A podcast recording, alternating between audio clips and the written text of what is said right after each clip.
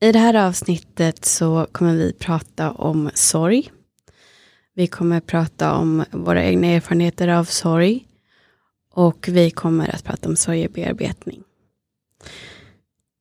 Anledningen till att jag gör det här avsnittet är därför att jag har gått och burit på en sorg i ungefär åtta år. Och jag har helt enkelt haft svårt att acceptera. Jag har valt att gömma, ta bort det som påminner. Men likväl när det är någonting som påminner så gör det fruktansvärt ont. Jag tror också att det är så att jag inte har känt att jag har rätt att sörja en person som jag inte kände så väl. Men han hade en stor påverkan på mitt och mångas liv inom Hammarby, Hammarby fotboll.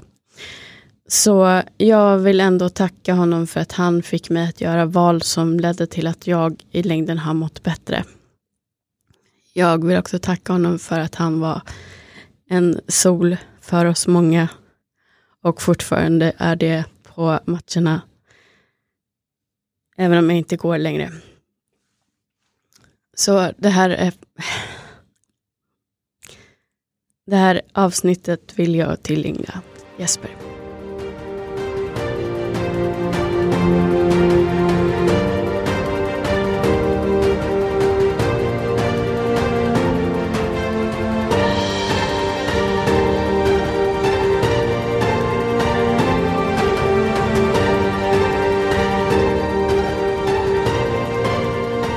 Välkomna tillbaka till ett nytt avsnitt av Bakom fasaden-podden.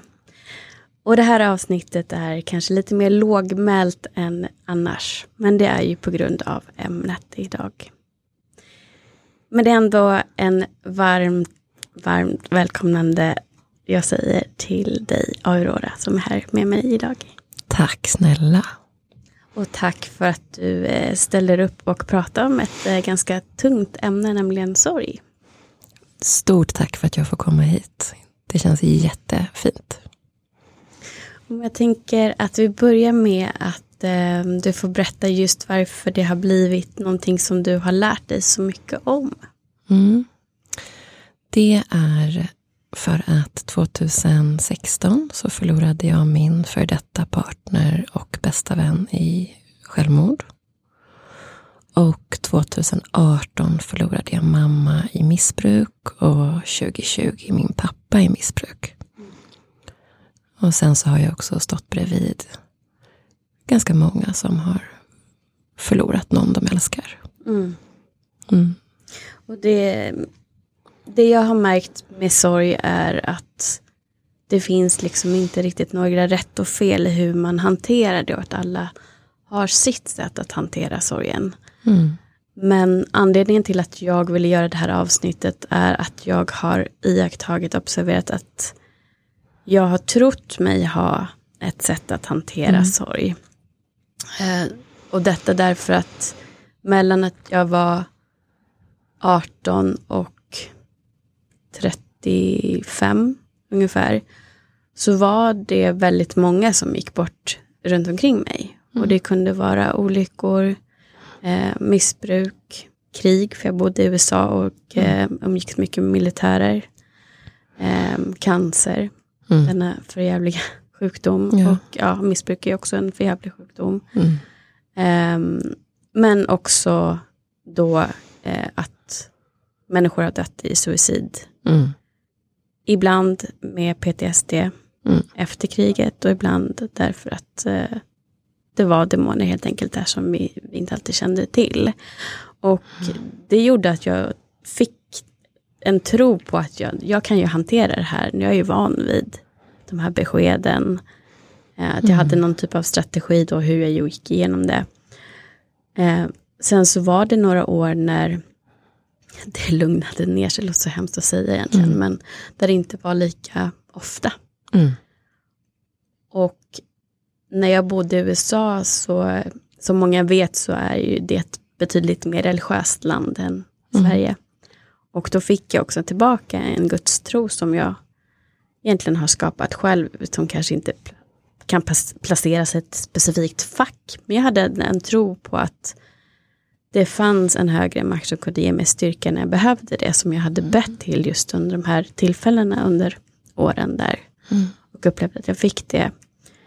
Um, men för, ja nu är det um, åtta år sedan ungefär, så var det en person uh, i vår omgivning som väldigt många kände omkring i, eh, i fotbollens värld. Det rörde mm. mig mycket.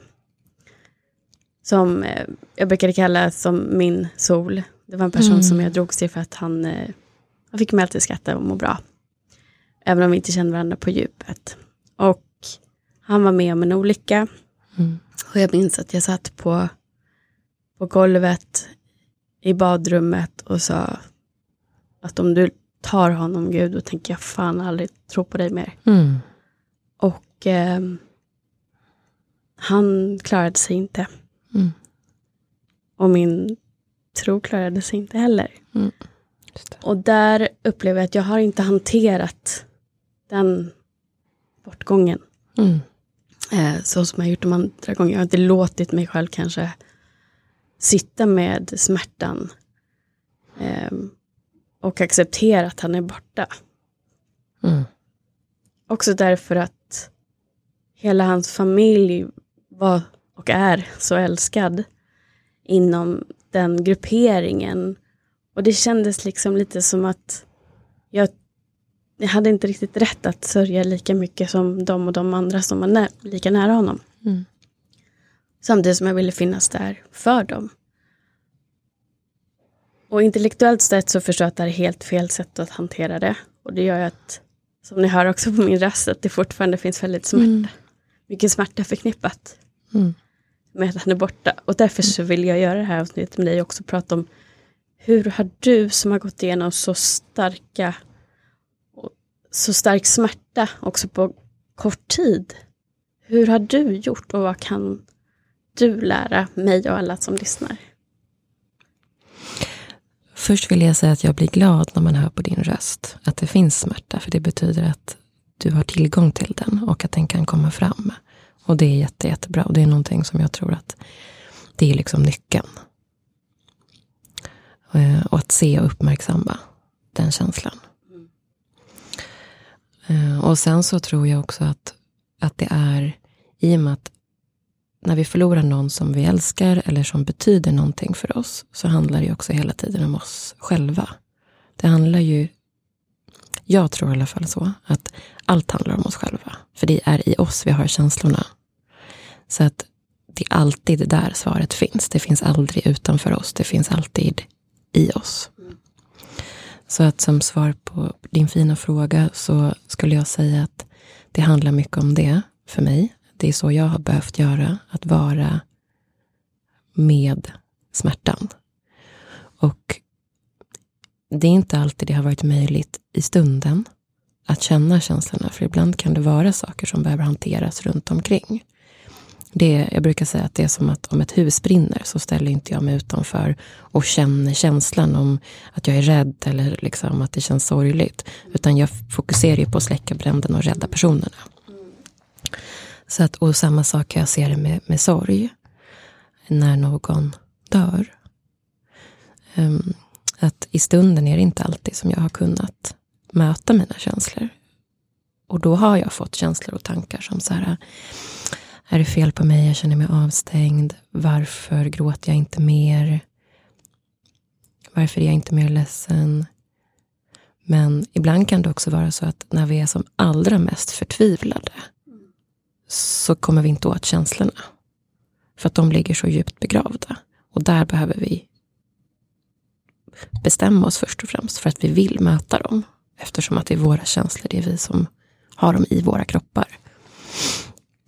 Så det jag har gjort är ju många olika saker.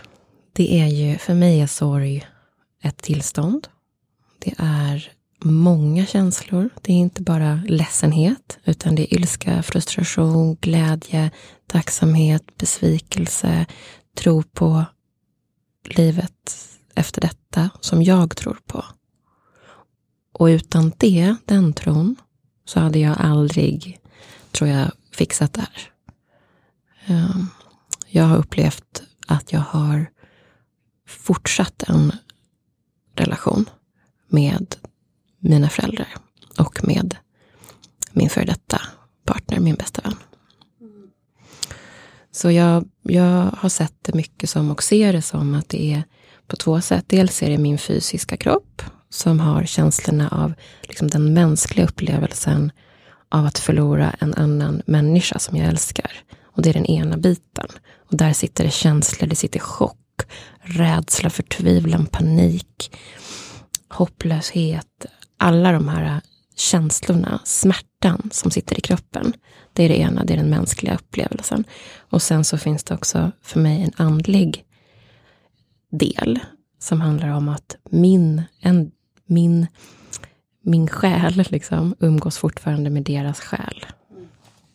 Och det är den andliga biten och där har jag tränat på ett annat sätt och övat på ett annat sätt. Så det är som två bitar, jag brukar se det så. Mm. Men det, dels så tycker jag att det är ett väldigt vackert sätt att se på det och jag kan verkligen förstå och relatera till att det hjälper mycket. Jag har eh, jag har också varit hos, eh, jag fick vara med i ett tv-program där det var ett medium som satt och pratade med oss. Mm. Och mm, där får man ju välja vad man tror på eller inte. Och eh, kanske inte att jag köper till 100 procent, men jag hade också en pojkvän som gick bort mm. eh, efter vi hade gjort slut. Mm. Tyvärr så var vi inte alls vänner. Mm. Eh, det var några år efter vi hade brutit även vänskapen som vi försökte hålla ett tag. Um, och jag hade väldigt svårt att försonas med tanken att vi inte hann bli sams innan han gick bort. Um, och då tyckte jag ändå att det var väldigt läkande att få sitta och prata med det här mediumet som då kunde beskriva honom hur han såg ut och också hur han gick bort. Mm. Eh, det var ingenting vi fick berätta någonting om i förväg.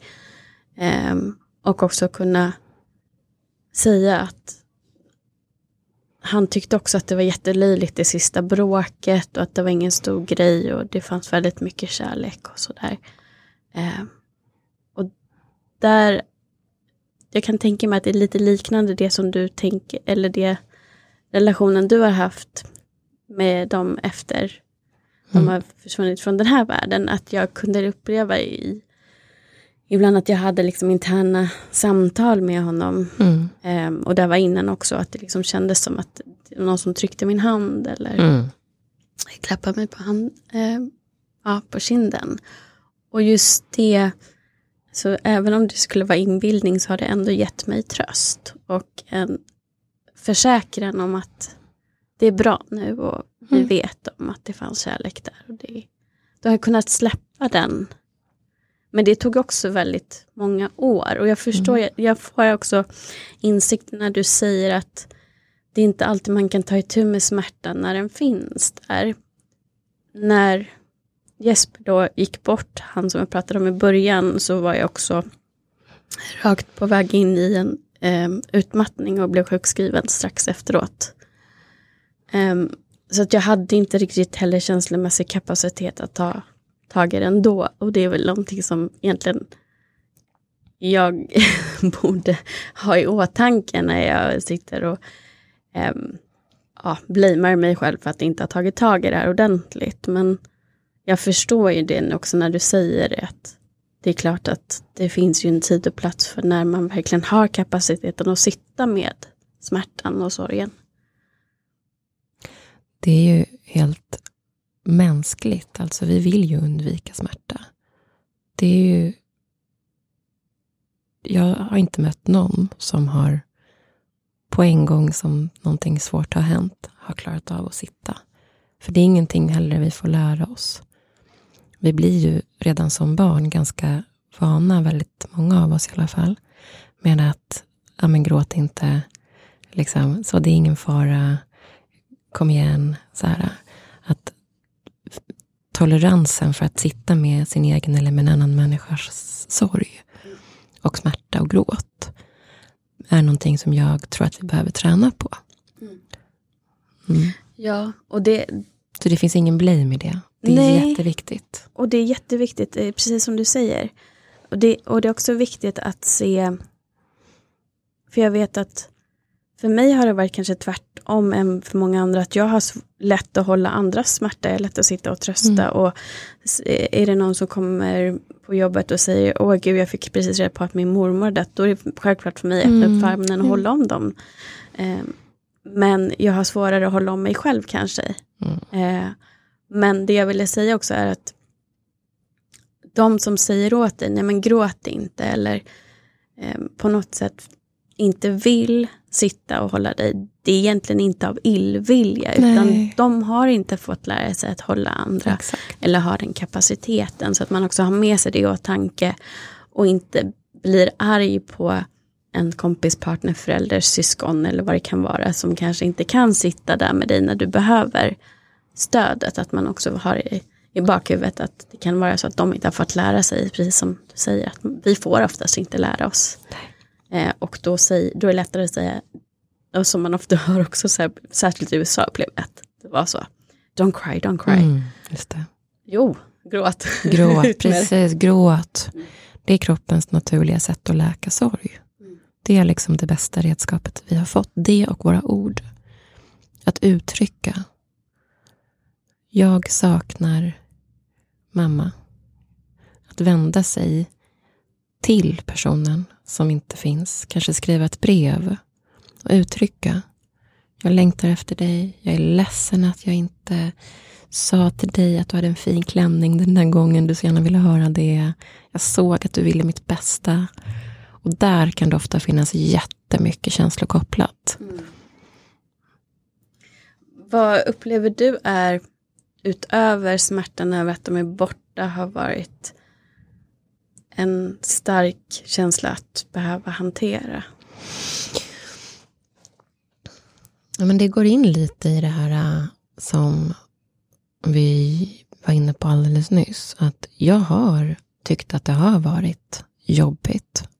För att jag har känt mig, och det är väldigt vanligt. Jag har känt och jag vet att många andra också har känt det. Att man upplever sig som en bubbla. Att det är inte smärtan i sig som är svår. Utan det kan, den är såklart också svår. Men det som jag i alla fall upplevt som bland det svåraste. Det är att möta omgivningen. Att jag har känt som att människor undviker, som att det är svårt att hitta en plats, svårt att möta andra människor. Det är svårt att kanske vara i vanliga sammanhang ibland. För att människor pratar om saker som det inte går att relatera till. Och då blir den här ensamhetskänslan väldigt stark. Och där har det varit guld värt med de människorna som har vågat, velat, klarat möta upp i omgivningen. Mm. Jag tänker också på en vanlig känsla bland oss som mister folk i suicid kan Mm. ju också vara skuld. Ja, gud. Vad tänker du? Nå, det, det var nog den värsta, det var den värsta känslan när han dog. Att jag upplevde att det var mitt fel. Jag kände verkligen att om jag hade gjort bättre, om jag hade gjort det, om jag inte hade gjort det, så hade han levt. Mm. För det, Och det har, det har verkligen tagit lång, det tog mycket Mm. Har du fått hjälp där? Ja. Utomstående terapeut eller något sånt? Mitt absolut bästa stöd och min största hjälp, det har varit min egen familj. Och när jag säger min familj så är det min egen valda familj. Mm. Den bästa. Ja, det är de tjejerna uteslutande som har funnits där, tagit hand om mig dygnet runt, gett all sin tid. Mina bästisar, de, de, jag hade aldrig klarat mig utan dem. Kan du förstå idag att du inte har någon skuld i det? 100 procent. Ja. Vad bra. Sen kan tankarna komma upp och det, det är vanligt. liksom, ja, men tänk om jag hade gjort sådär. Och det tror jag, det är en del av när någon har tagit sitt liv. Ja, jag, jag tror det tyvärr är omöjligt att inte känna skuld ja. eh, som efterlevande. Men jag kan säga, när jag har mått som sämst i livet och faktiskt haft suicidtankar. Ja. Eh, jag försöker att hålla kvar minnet av ändå hur jag tänkte just för att förstå andra människor. Um, och nu var det inte så att jag kanske till 100% någonsin bestämde mig, men jag kan säga att den smärtan som man går och bär på, det är egentligen den man vill bort ifrån. Mm. Och det, det verkar inte som att det finns någon annan utväg. Nej, precis. Det, det är så tankarna går. Det är liksom outhärdligt inuti och det syns inte utanpå. Eh, och samtidigt som att det är så hemskt att prata med sina nära om hur man mår för att det påverkar också dem. Så det finns skuldkänslor inblandat. Men tankarna som är så mörka tar liksom över och kidnappar ens egen hjärna. Så att det är en röst som säger liksom att om du bara gör slut på det här nu så slutar det att göra ont. Mm. Och den blir så stark hos dem som blir tillräckligt sjuka. Mm. Och där är också viktigt att förstå, för jag vet att det är vedertaget att säga att valde att ta sitt liv, mm. men det är ingen som väljer Nej. att dö. Nej, precis. Det, det, det är någonting som händer, du dör i sjukdomen av att du har tagits över de här tankarna och den inre smärtan. Mm. Och eh, jag skulle jättegärna vilja att även journalister och media som skriver mm. om det här slutar använda det uttrycket. Eh, det har jag att tacka eh, en, en vän Sissela som jobbar väldigt mycket volontärt eh, just för eh, Suicide Zero och har också en, en jättebra sida på Instagram jag kan länka till. Um, men för er som har inte kanske bearbetat att ni har förlorat någon i suicid så eh, förstå att det, det, är inte ett val. Utan det är ett sätt att slippa den oerhörda smärtan som ingen som inte har varit där kan förstå. Jag brukar kalla det för en psykisk olyckshändelse. Ja, bra uttryck. Mm. En känslomässig psykisk olyckshändelse. Och det gör ju också att en olyckshändelse kan ju inte vi som är nära personen hjälpa och personen själv kan inte hjälpa det. Och det är ju mänskligt, den mänskliga hjärnan vill ju leta efter förklaringar och, och, och för, liksom, ja, men förklaringar helt enkelt. Men jag, jag, en av mina nycklar har också bara varit att acceptera som det är. Mm. Alltså att det är så sorgligt och tragiskt som det är. Och de här tankarna kan, när de går till överdrift, om de jag hade, om den hade, om vi hade, om det hade, det kan också vara ett försvar mot att känna smärtan. Och det är ju när vi känner smärtan, glädjen, saknaden, ilskan som vi blir fria. Det är då den, den behöver lösgöra sig från våra kroppar. Det är då vi blir fria från den här känslomässiga bördan. Sen kommer jag aldrig att tycka att, såklart, jag kommer aldrig tycka att ja, men det är lugnt. Det kommer jag aldrig tycka. Jag kommer alltid att se att både missbruk och suicid är... Jag kommer alltid vilja att, att den kampen fortsätter föras. Att det inte ska hända fler. Att det är en jättefruktansvärda sjukdomar. Och Oliver hette han. Det var ju också för att han hade PTSD. Liksom han var väldigt traumatiserad. Så, att, så jag ser att det finns saker vi behöver göra gemensamt i samhället.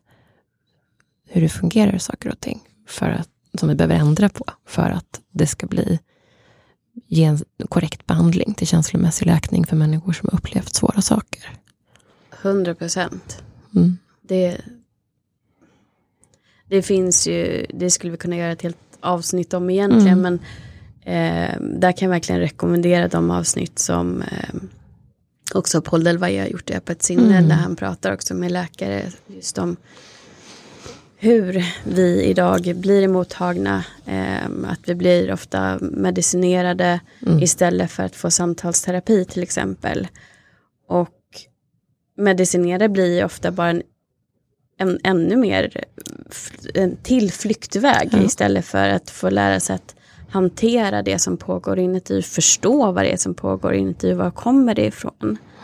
Eh, och nu vet inte jag exakt hur det ser ut med traumabehandling i Sverige, men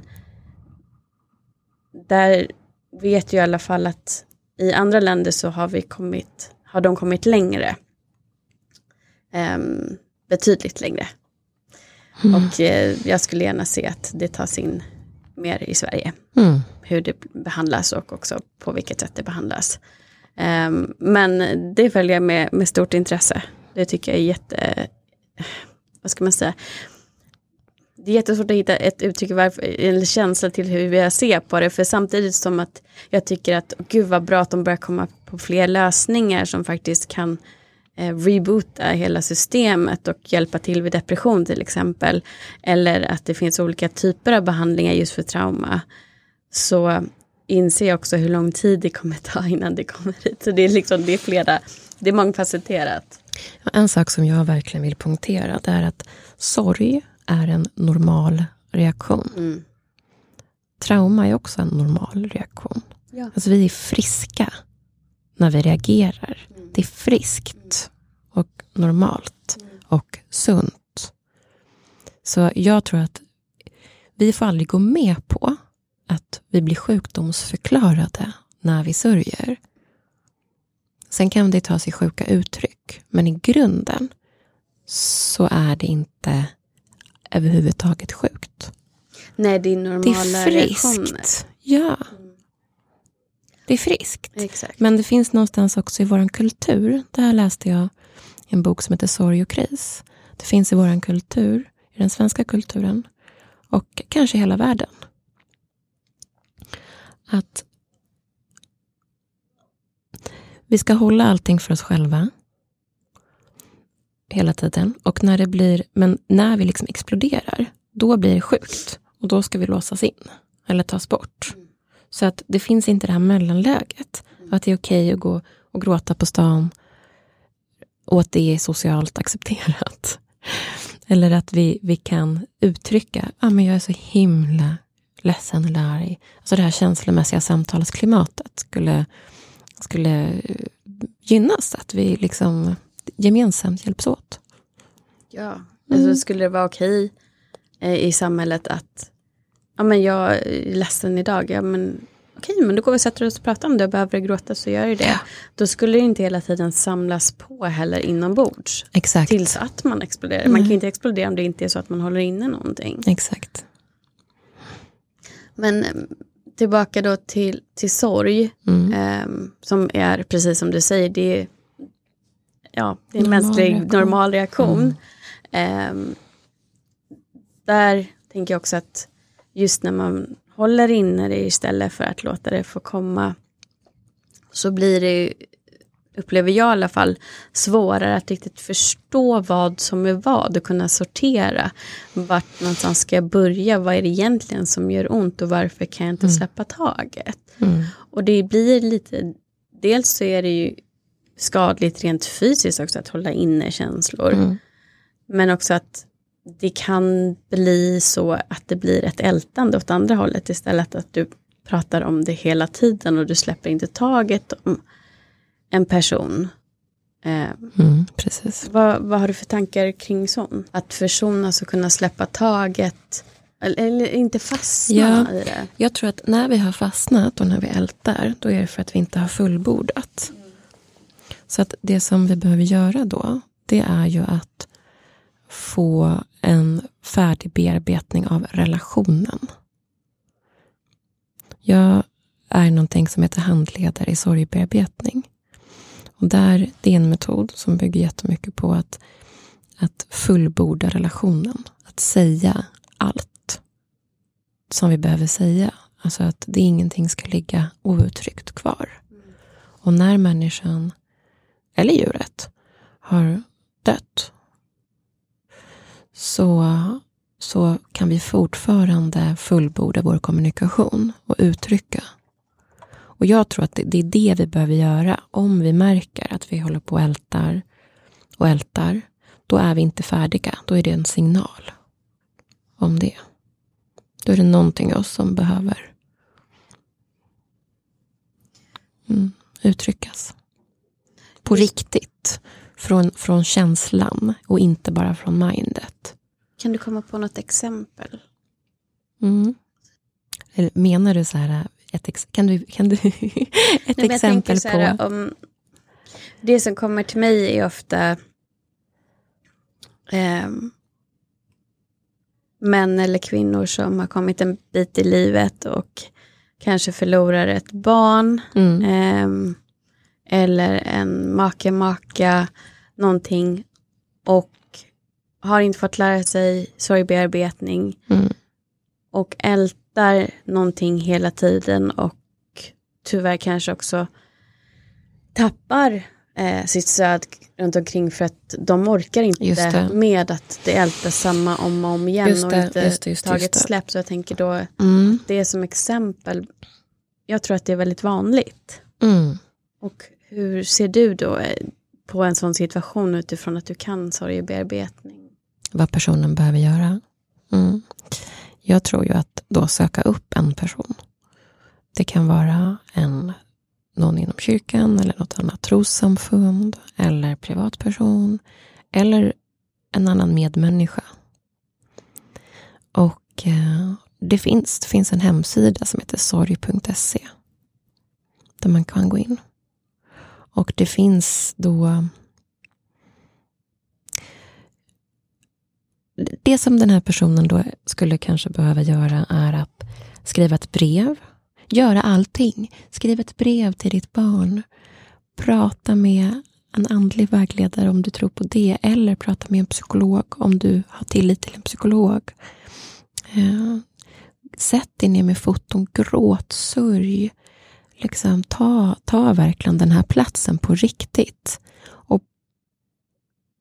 Det är ingenting som har gjorts mot oss med illvilja. Alltså världen vill oss inte illa. Världen vill oss fortfarande gott. Så att ta hjälp från andra människor. Be. Om vi, om vi vet med oss själva så här. Att nej men nu, nu ältar jag det här och jag jag kommer inte vidare i mitt liv. Jag längtar efter att komma vidare i mitt liv. Att be en annan människa, kan du sitta här med mig? Kan du lyssna? Att instruera omgivningen i vad vill jag ha för hjälp och för stöd? Eh, jag tror jättemycket också på det skrivna ordet. Att också skriva för hand, inte på, på datorn eller en telefon, utan att ha en penna. Det är någonting i oss som hjälper nervsystemet. Det finns faktiskt forskning att nervsystemet regleras och lugnas när vi skriver. Samma sak när vi berättar. Så att skriv ett brev till ditt barn. Eller till vem det nu är som har dött. Skriv det, be att få läsa det för en annan människa. Utan att det kommenteras. Och sen efteråt be att få en kram om det känns bra. Och gör om den här processen. Mm. Och jag tror också mycket på att se om det går att vara mindful, alltså att vara närvarande när vi pratar. För det är lätt att vi bara bla bla bla. Ja, jag kan ju inte göra det för att min mamma är död. Om jag ska gå till mig själv så har jag ju... Alltså jag, jag är enda barnet. Jag har inga biologiska syskon. Jag har inte så stor släkt. Vilket har gjort att jag har känt mig periodvis eh, annorlunda mot många i min omgivning. Som har en biologisk familj. Och när jag hamnar i harm över det, eller hamnar i att jag känner mig att livet har velat mig illa. Då blir jag en odräglig människa också att ha att göra med. Men då, då är det så, då behöver jag möta min känsla och se, men vad har jag? Jo, men jag har världens vackraste liv på de här och de här sätten. Jag har inte det där, men jag har det här. Så att, att få en nyanserad, för mig har det varit viktigt att få en nyanserad bild också av hur mitt liv faktiskt ser ut. Och också för mig har det varit jättehjälpsamt att se så här, jo men jag har ingen aning om hur det hade blivit om mina föräldrar hade levt. Det fanns också en lättnad när de dog. Att jag slapp hantera deras alkoholism varje dag. Det var jätteskönt för mig. Mm, men det var en parentes. Det jag, det jag ska, skulle säga är att uttryck, ta det på allvar, var närvarande när du pratar om dina känslor. Be om hjälp. Liksom. Titta verkligen efter stödjande, varma människor. Mm. Jättebra tips. Jag tänker också där är det viktigt att det är människor som kanske har det här med sig, att de vet hur sorg ser ut och också skapar en atmosfär och ett safe space så att det känns verkligen att alla mina känslor är okej okay här. De välkomnas. Mm. Och jag blir mm. hållen mm. i dem. Så att jag kan känna mig trygg i att faktiskt släppa fram sorgen. Och få ur den ur kroppen mer och mer. Och också få hylla den personen som jag mm. saknar så mycket genom att få läsa det här brevet. Eh, men också få sitta med just att om du har varit med en person som är sjuk i missbruk till exempel, det är väl ganska självklart kan jag känna att det finns lättnad mm. med också när de försvinner. Mm. Därför att då innebär ju även livet med dem smärta. Och du blir ju av med en smärta då, även om du får en annan. Mm. Att också finna acceptans till att de känslorna också får plats. Ja, precis. Det är viktigt det du säger, att välja våra människor med, med omsorg. Mm. Men just det här med, med sorgebearbetning. Mm. Skulle kunna berätta lite mer, är det någonting då som, som en kurs som man kan gå mm. i? Det är som en, eh, en pedagogisk modell. Som, det är inte liksom en professionell modell, utan det är en mänsklig modell. Mm. Där man, man lär sig att, att först brukar det gå till så att man skriver ett eh, diagram, ett förlustdiagram över allting som har varit en förlust i ens liv. För det är viktigt att se på helheten. Och Det kan ju också vara så att om det har samlats på hög. Massa svåra förluster eller och svåra och små förluster. Som har byggts på hög, på hög, på hög. Som vi inte har fått sörja klart. Så kan det vara en som på utåt sett ser ut som en liten förlust. Som får oss att explodera. Så det kan vara viktigt att titta på helheten. Och sen att ta en person i taget. Och då så är det att skriva ett brev med olika då kategorier. Så det här hade jag velat säga till dig. Jag ber om ursäkt för, förlåt för, jag är tacksam för, jag ångrar att. Olika sådana meningar som ska slutföras. För att verkligen hitta det här outtryckta det jag önskar att du förstått. Liksom, det finns olika ja, men meningar som ska slutföras för att verkligen hitta alla punkter, alla känslor. Och sen att läsa upp det för en annan människa eller för en grupp. Och att den som lyssnar då bara ska ta emot med kärlek och, och värme och inte kommentera och diskutera. För att sorg är känslomässigt. Det är inte intellektuellt. Så att vi läker sorg känslomässigt. Det är viktigt. Och eh, sen så ja, kan man också behöva föra samtal. Och, och, och bolla liksom. De som då, är, är ni fler handledare? Det finns många handledare. Mm. Ja, Det finns det, jättemånga mm. som har gått den här kursen. Men om man, sitter man då i grupp eller är det en? Både och. Ja, okej. Så du kan välja själv när du börjar? Ja, man kan välja om man vill ha enskilda samtal eller om man vill gå i en grupp. Präster som är inblandade Nej, också? Det är bara, nej. nej. Så kallade vanliga Ja, människor? Ja. Ja, och jag tror, jag tror jättemycket på det. Mm. Ja, för mig är det... Alltså det är en mänsklig, allmänmänsklig upplevelse. Mm. Alltså jag, jag, just när det kommer till min sorg och mina förluster så har inte jag känt att det är professionella riktigt som har varit mina det som har varit mest hjälpsamt. Utan det har varit människor som älskar mig. Som har delat med mig, som jag älskar tillbaka. Och djur. Jag har en katt som jag älskar väldigt mycket. Så att det, det är att dela och att det får finnas i livet, i vardagliga livet. Det låter ju som att då, då blir det verkligen tillgängligt för alla. Jag tror verkligen på det. Jag, jag, jag, jag har också en upplevelse av att när, vi, när allting ska bli professionaliserat så blir det också stämplat som att det är något avvikande. Och det är klart att har man en komplicerad sorgeprocess så kan man behöva hjälp av någon utomstående. Men, men jag tror inte att vi ska glömma att vi kan hjälpa varandra. Och att vi kan få hjälp av andra människor. Jag upplever att det finns en kultur som är, men ska du gå och prata med en psykolog så fort det är någonting?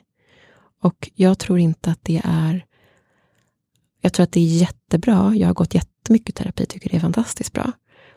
Och vi kan göra så mycket för varandra och med varandra som människor.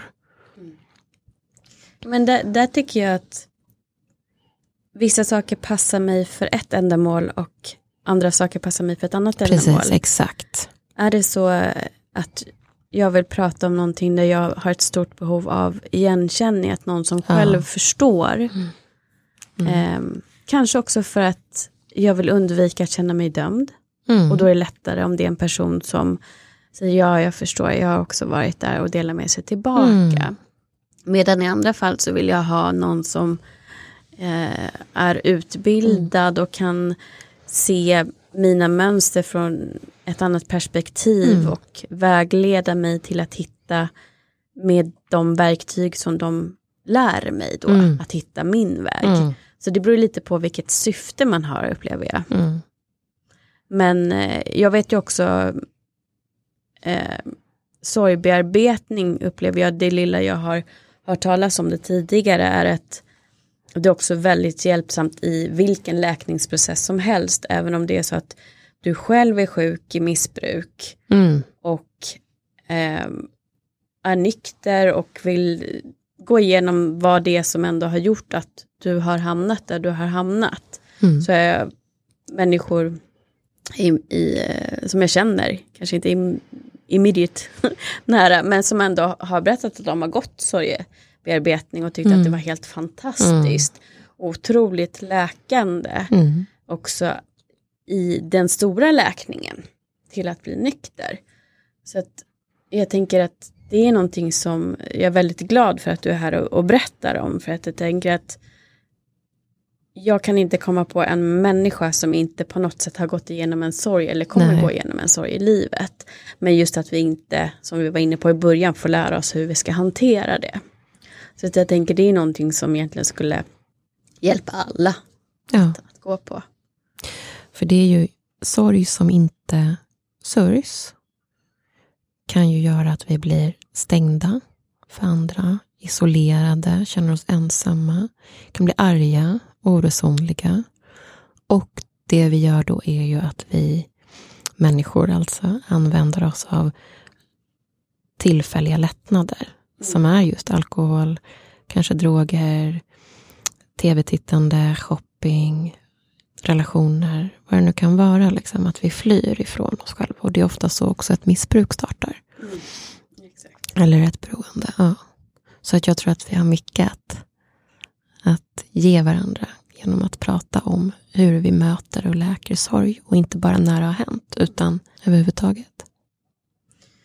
Vad skulle du säga om, om du möter en person som är i, kallar man det akut sorg, mm. första mm. sorgfasen? Mm. Chockfasen. Ja. Att göra så lite som möjligt skulle jag säga. Alltså att verkligen låta det ta sin tid. Att inte ha bråttom igenom det, utan ta det lugnt. Mm. Det är det första jag skulle säga. Och att alla känslor är okej. Alltså ofta så blir man också ganska på dåligt humör. Alltså man blir otrevlig. Det är väldigt vanligt. Så många jag har pratat med när någon precis har dött blir otrevliga. Alltså blir kantiga och vassa och fräsiga mot folk. Och uh, får då dåligt samvete och känner att de inte kan vara bland människor. Och det är en varning. Bara att det är okej. Okay. Liksom, vi kan säga det då till vår omgivning. Att jag menar verkligen ingenting personligt, men jag har svårt att hålla mina känslor just nu. Vilket är självklart, det är helt normalt. Inga konstigheter alls. Men att låta det ta tid, stanna hemma från jobb eller skola. Jag har fått frågan ganska många gånger om jag tycker att man ska se den som är död. Det tycker jag. Så i största möjliga mån. Om personen har varit med om en olycka så, så att kanske det känns läskigt att se hela kroppen så kan man se bara en liten hand. Sen är det ju såklart individuellt. Man behöver känna själv naturligtvis. Men eh, jag brukar säga jag brukar rekommendera det och många har varit väldigt glada efteråt för att de har gjort det. Blir det då som att du faktiskt får en chans att ta farväl? Ja, jag, jag ska jag säga ett exempel? Ja, gärna. Min pappa dog. Han var på Gotland när han dog. Han... Eh, det tog två veckor ungefär innan jag kunde komma och se kroppen. Vilket gjorde att den var väldigt annorlunda mot hur han såg ut när han levde. Och när jag kom in då med mina, min kvinnoflock som jag hade med mig dit så fick jag ju verk, väldigt kraftig panikattack, ångest. Och blev jättelivrädd. Och grät och grät och grät och liksom det tog säkert 30 minuter. Bara nej, nej, nej. Men en av mina bästisar är eh, sjuksköterska. Och hon var väldigt bestämd. Nej, nu ska vi se din pappa. Nu ska vi se Erling. Och hon satte sig, hon började pussa på honom. Och, hon är ju van att se döda kroppar. Så hon satte sig och hjälpte mig att bli lugn. Så att jag kunde sitta och se honom. Och det slutade med att det var inte läskigt. Jag, jag fick snarare en upplevelse av att jag fick, jag fick ta, ta hand om den här äh, upplevelsen. Att, att se att kroppen är bara kroppen. Se hur den faktiskt förmultnar. Och det är inte farligt. Det är ofarligt. Det är inte farligt. Det känns läskigt. Men det är inte farligt. Och då la jag ett gosedjur över hans mun, för att den klarade jag inte av att se. Men jag kunde se min pappas panna och klappa, ta farväl av den här kroppen som har burit mig. Och det fick jag inte möjlighet att göra med min mamma till exempel. Och jag har känt att det har varit en stor förlust. Jag fick möjlighet att ta farväl av Olivers kropp. Jag fick inte möjlighet att ta farväl av mammas kropp för att faktiskt polisen avrådde mig. För att de nog var rädda. Men jag ångrade jättemycket. Jag hade verkligen velat det. Jag, hade, jag önskar att jag hade stått på mig. Liksom. Eh, och eh, Pappas kropp fick jag se fast det var jätteskrämmande. I början så blev det superbra för mig. Jag har varit med också andra som alltså under den här tiden och varit med till bårhus och så. Och alla jag har följt med och varit med har upplevt att det har varit hjälpsamt i processen. Mm. Det kan jag verkligen tänka mig att det är. Um, Sen är det ju individuellt såklart. Jo, men jag tänker ändå så här att det är klart att det inte är lätt. Det är klart att det är jätteskrämmande. Men nu när du berättar om det så fint och verkligen öppnar upp för hur det är. Mm. Men också varför det är läkande och mm. hjälpsamt i processen. Så tycker jag att som att lyssna på dig ändå ger en, en större förståelse. Och jag kan också förstå varför det kanske har varit också nästan surrealistiskt i många fall. När jag har fått dödsbud att det är någon som har gått bort i Irak, Afghanistan mm. eller att de eh, är kvar i USA efter jag flyttat hem till Sverige. Eh, jag förstår det ju intellektuellt att de är borta men i och med att jag inte har möjlighet att närvara varken och se mm. en kropp eller en begravning så blir Just det ju också lite så här, ja, oh. ja nej men vi har bara tappat kontakten. Ja, precis och det där är så viktigt. Det är så viktigt att man får det här avskedet. Det är så, jag kan inte uttrycka hur viktigt det är, det är så viktigt. Mm. Ja, det, tyvärr, jag har inte haft så många tillfällen. Just därför att vi har ofta befunnit oss på, ja, i olika länder. Olika länder. Eh, däremot så var det en eh, expojkvän, tre stycken, som mm. att, eh, där han låg i koma relativt länge och då var vi tre, fyra tjejer eh, som alla kände honom som gick till sjukhuset tillsammans. Mm. Eh, och fick också tillfälle då att prata med hans pappa. Vid det här tillfället så visste vi inte hur det skulle gå riktigt. Hoppet fanns kvar.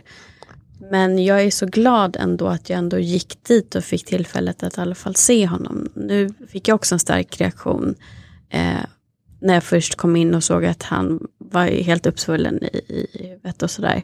Så att jag sprang också ut och mm, började gråta men fick sen då stöd, vi stödde varandra och gick tillbaka in och kunde prata med honom. Och det är också väldigt mm, tacksam för. Så jag förstår ändå så gott jag kan det du pratar om. Eh, och det för mig till just det här med att få ett avslut. Mm. Att kunna ändå försonas med att de är borta och mm. inte fly bort i att men det, jag kommer aldrig se dem, jag kommer aldrig ens se graven, det har inte hänt. Att det blir kanske ett flyktbeteende i sig. Um, men hur skulle du säga om man då inte har möjligheten mm. att eh, träffa på den här personen igen på det sättet att man får se kroppen eller att ens gå på begravningen. Hur skulle du säga är ett alternativt sätt att få sitt mm. avslut? Mm. Jätteviktigt. Jag fick hjälp gällande min mammas kropp att visualisera. Alltså att göra en inre resa med hjälp av ett, eh, en medial person. Eh, och det var jätteviktigt för mig. Att eh, få gå in. Och om man inte tror på det, behöver man inte alls tro på, då kan man ju ändå, om man vill, föreställa sig med hjälp av en, en person då, som man litar på, som kan där. Föreställa sig, där ligger mamma, pappa, pojkvännen, flickvännen, liksom, djuret. Jag sätter mig bredvid, jag klappar och leva sig in i stunden. Det hjälpte mig jättemycket med min mamma. Eh, och annars, ja precis, och det är gällande kroppen, gällande den här ceremonin. Skriv ett brev. Välj ut en plats ute i naturen eller hemma. Gör ett altare. Skriv ut en bild från Facebook om det är det du har tillgång till. Men gör någonting. Gör någonting. Välj ut en låt. Gör en egen ceremoni. För det har vi nästan alltid tillgång till. Mm. Be någon, om, om du inte känner någon som känner personen, så be någon annan vara med bara som, som åhörare. Vi har gjort mycket i min familj, att vi har vi kastar ut blommor. Vi är väldigt noga med de här årsdagarna. Att vi gör alltid någonting på årsdagar och på födelsedagar. Åka och släppa upp en ballong eller en rislykta eller kasta ut blommor i vattnet eller lägga ut en sten. Göra någonting vackert. Ja, det var jättebra. Det, det ska jag nog göra. Ja. faktiskt. Och ändå... um, För det känns ju som att eh, du inte bara får ett avslut, det känns också väldigt hedrande för den personen och det minnet som man ändå har av den personen. Och eh, jag vet att jag skrev en text till en annan person som var i USA. Eh, för det var hans lillebror som skrev och berättade om att han hade gått bort. Eh, och då skrev jag en text som jag bad sen att hans lillebror skulle läsa upp på begravningen Mm. från mig. Eh, och då kändes det som jag fick vara lite med i alla fall. Ehm, så det, det är också ett, någonting man skulle kunna göra som känns bra efteråt. Ehm, lite mer avslutningsvis Mm. ehm, så tänker jag också bara att vi ska upprepa sorg.se sa du att det hette. Mm. Vad sa du att det fanns där att tillgå för resurser? Där finns det dels att man kan anmäla sig till olika kurser. Man kan hitta personer. Mm. Och det finns också så ganska mycket information som man kan gå in och läsa. Det finns bok man kan beställa som heter Sorgbearbetning. Mm. Den har jag hört mycket gott om. Ja, den är jättebra. Det är en Ja. röd bok. Men då gör jag som vanligt helt enkelt att jag eh, länkar till den sidan Mm. i beskrivningen. Eh, för att kanske precis som jag så är det här ett, ett ämne som gör att eh, även om vi lyssnar så, så är man lite splittrad i tanken och det, det känns lite extra tungt. Så titta där. Ja. när du röstar. Har du någonting mer som du tänker att du vill tillägga? Jag har gjort en Instagram som heter Livsomsorg. Livsomsorg. Jag har inte kommit igång med den, men man får jättegärna följa mig där så ska jag lägga upp mer saker om sorg. Om man vill höra mer.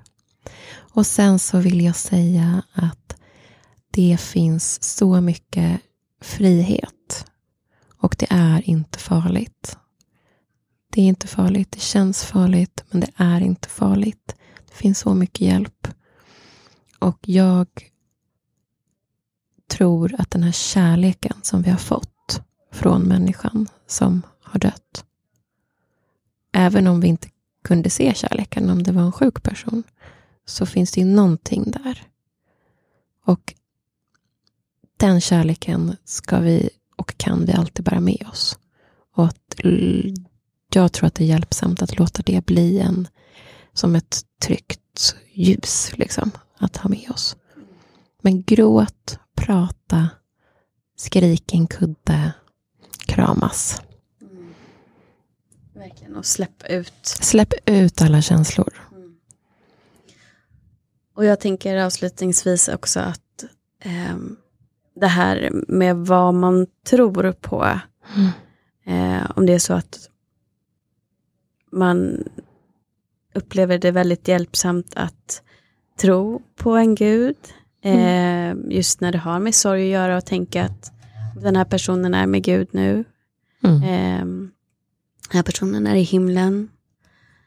Eller om det är så att man väljer att gå till ett medium till exempel. Mm.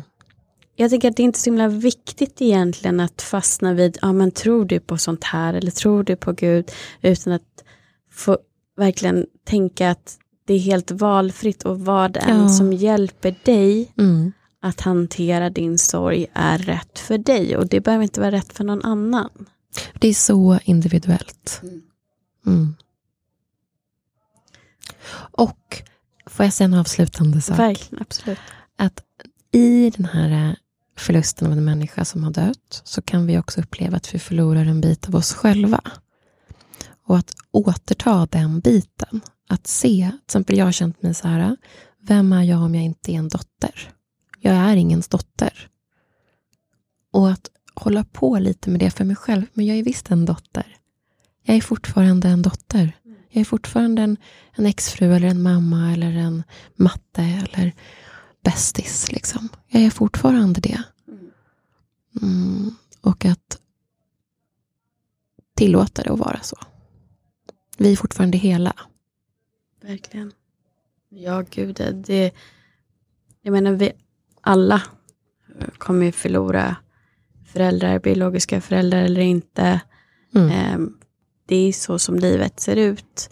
Och det är menat sen om det blir tidigare eller senare, mm. det kan vi inte veta. Men vi kommer fortfarande vara deras döttrar. Alltid. Och, och som du sa också, mm. att vi kommer ju fortfarande ha kvar en, en relation, fast på ett annat sätt. Mm. Tack snälla Aurora för att du har varit här idag och delat med dig av så viktig och vacker information. Tack snälla. Och som sagt, titta i beskrivningen så hittar ni länkarna till det vi har pratat om idag. Och eh, om du sitter där just nu och känner att du inte har någon att prata med vägledning så kommer jag även länka våra Instagram så att ni kan höra av er till oss. Mm. Gör gärna det. Då får jag helt enkelt säga tills vi hörs igen. Ta hand om dig.